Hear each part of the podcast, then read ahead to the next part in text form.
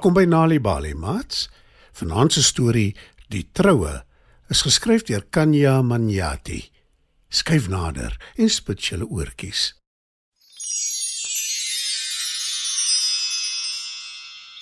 Ek is verveeld. Almal is besig vandag. Hulle hardloop oral rond. Sê Tina terwyl sy in hulle sitkamer sit en wag vir haar gesin om klaar te maak met hulle voorbereidings. Almal is al dou voordag op. Tina was eers opgewonde. Sy is die jongste van almal in die gesin. Haar ouer suster het gesorg dat sy bad en haar help aantrek, maar nou sit sy net hier.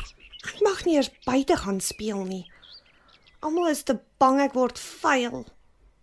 Ek mag ook nie 'n maat oornooi nie. Al wat ek mag doen is TV kyk en ek is beslis nie lus daarvoor nie. Klaar sy. En dit alles omdat daar vandag 'n troue is. Die uitnodiging het 'n paar weke gelede daar aangekom. Dis haar broer, Niels, wat gaan trou. Ek weet hoe 'n belangrike dag dit is. Ek sal mos nou niks doen om dit te bederf nie. Hulle maak asof ek net 'n dom kind is. Niels laat niks van hom hoor in meer as 'n jaar nie en dan skielik wil hy trou. En mamma is so opgewonde, sy kan dit nie inhou nie. Tina glimlag toe sy haar ma se reaksie onthou. Toe skielik is almal reg en aangetrek. Sy word in die kar gebondel en hulle ry kerk toe. Die troue verloop glad en daarna is almal na die onthaalsaal toe. Daar aangekom, staan Tina eenkant en bekyk al die mense. En net toe kom daar 'n seun wat omtrent haar ouderdom is, na haar toe aangestap. Ek haat troues. Ek dink dit is sommer simpel. Sê hy. Tina kyk verbaas na hom en toe vra sy: Wie is jy?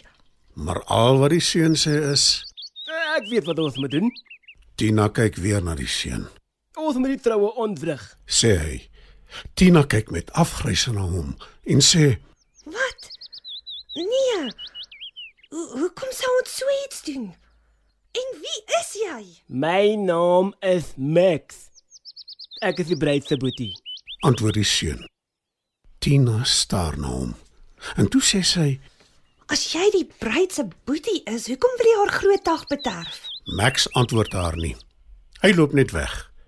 En Tina weet sy sal hom nou die hele tyd moet dophou om te kyk dat hy nie iets simpel aanvang nie. Maar toe hy na 'n hele ruk nog niks gedoen het nie, ontspan sy en sy hou hom nie meer dop nie. Maar toe skielik is hy by haar en hy fluister in haar oor. Dit begin nou. Max loop weg en Tina spring op uit haar stoel en volg hom. Hy begin draf en Tina ook. Sy is so besig om Max in die oog te hou dat sy nie agterkom hy draf reguit na die troukoek toe nie. Skielik gaan staan Max en glimlag stout. Tina is nou baie ongemaklik, Wat is hy van plan om te doen? wonder sy. Maar toe sy sien hy draf reguit na die tafel met die koek op, jaag sy hom om hom te probeer keer. Maar hy verander rigting. En Tina hardloop teen die tyd so vinnig dat sy nie betyds kan stop nie. Sy gly op die vloer en beland pense en potjies op die tafel waarop die koek staan. En die koek vlieg deur die lug. Tina staan stadig op en kyk met afgryse na die troukoek wat op die vloer lê. Maar mens kan dit nie regtig meer 'n koek noem nie. Dis een groot gemors. Sy kan nie glo wat sy sien nie. Al wat sy wou doen is om te keer dat die stoute Max die troue bederf. En nou lyk dit asof sy die troukoek op die vloer laat beland het. Sy gee die spul nog een kyk. Toe draai sy om en hardloop weg. Tina, wag. Roep die bruid. Martina hardloop net verder. Sy voel te skaam om met die bruid te praat. En sy kruip buite weg onder 'n struik. Sy hoop niemand kry haar daar nie. Martina is nie so gelukkig nie want die volgende oomblik skuif die bruid die takke van die struik eenkant toe en sê: Hier's jy. "Sy klink baie gaaf." Martina vertrou nie die vrede nie. Sy maak reg om weer weg te hardloop, maar die bruid sê: weer weghardloop nie. Sit liewer by my. Ek is so jammer. Ek het jou dag bederf. sê Tina en die trane rol oor haar wange. Dit was nie jy nie. Dit was my boetie Max. Ek het alles gesien wat gebeur het. Troos die bruid. En toe sê sy: Hy's 'n groot moeilikheidmaker daai een. Maar ek dink ek is die enigste een wat hom verstaan. Toe hy hoor ek gaan trou, was hy baie bekommerd. Hy het gedink hy het my vir altyd verloor. Hy probeer nog die hele tyd enigiets om die troue te saboteer. Die bruid vertel Tina wat Max nog alles aangevang het. En toe sê sy: Kom ons gaan terug na die saal toe. Ek het klaar alles vir almal verduidelik. Sy hou haar hand uit na Tina en saam stap hulle terug saal toe. En daarna geniet almal die troue. Dis net te sê almal behalwe Max. Hy sit noodgedwonge choopstil tussen sy twee oumas wat hom die hele tyd met 'n arendsoog dophou. Dit was dan ons Nali Bali storie vir vanaand. Die troue is geskryf deur Kanya Manjati. Die storie is aangebied deur die Nali Bali leesvergenotveldtog in samewerking met SABC Education. Mamma, wanneer ons by die huis kom, gaan ek my nuwe biblioteekboek in ons leeshoekie bære. Dis 'n goeie idee, seun. Ek sal my biblioteekboeke ook daar sit. Skep 'n spesiale plek in jou huis waar jou kinders hulle boeke kan bære en maklik kan bykom. Het jy 'n storie om te vertel? Stuur jou storie in enige amptelike taal na stories@nalibali.org en dit kan dalk gepubliseer word.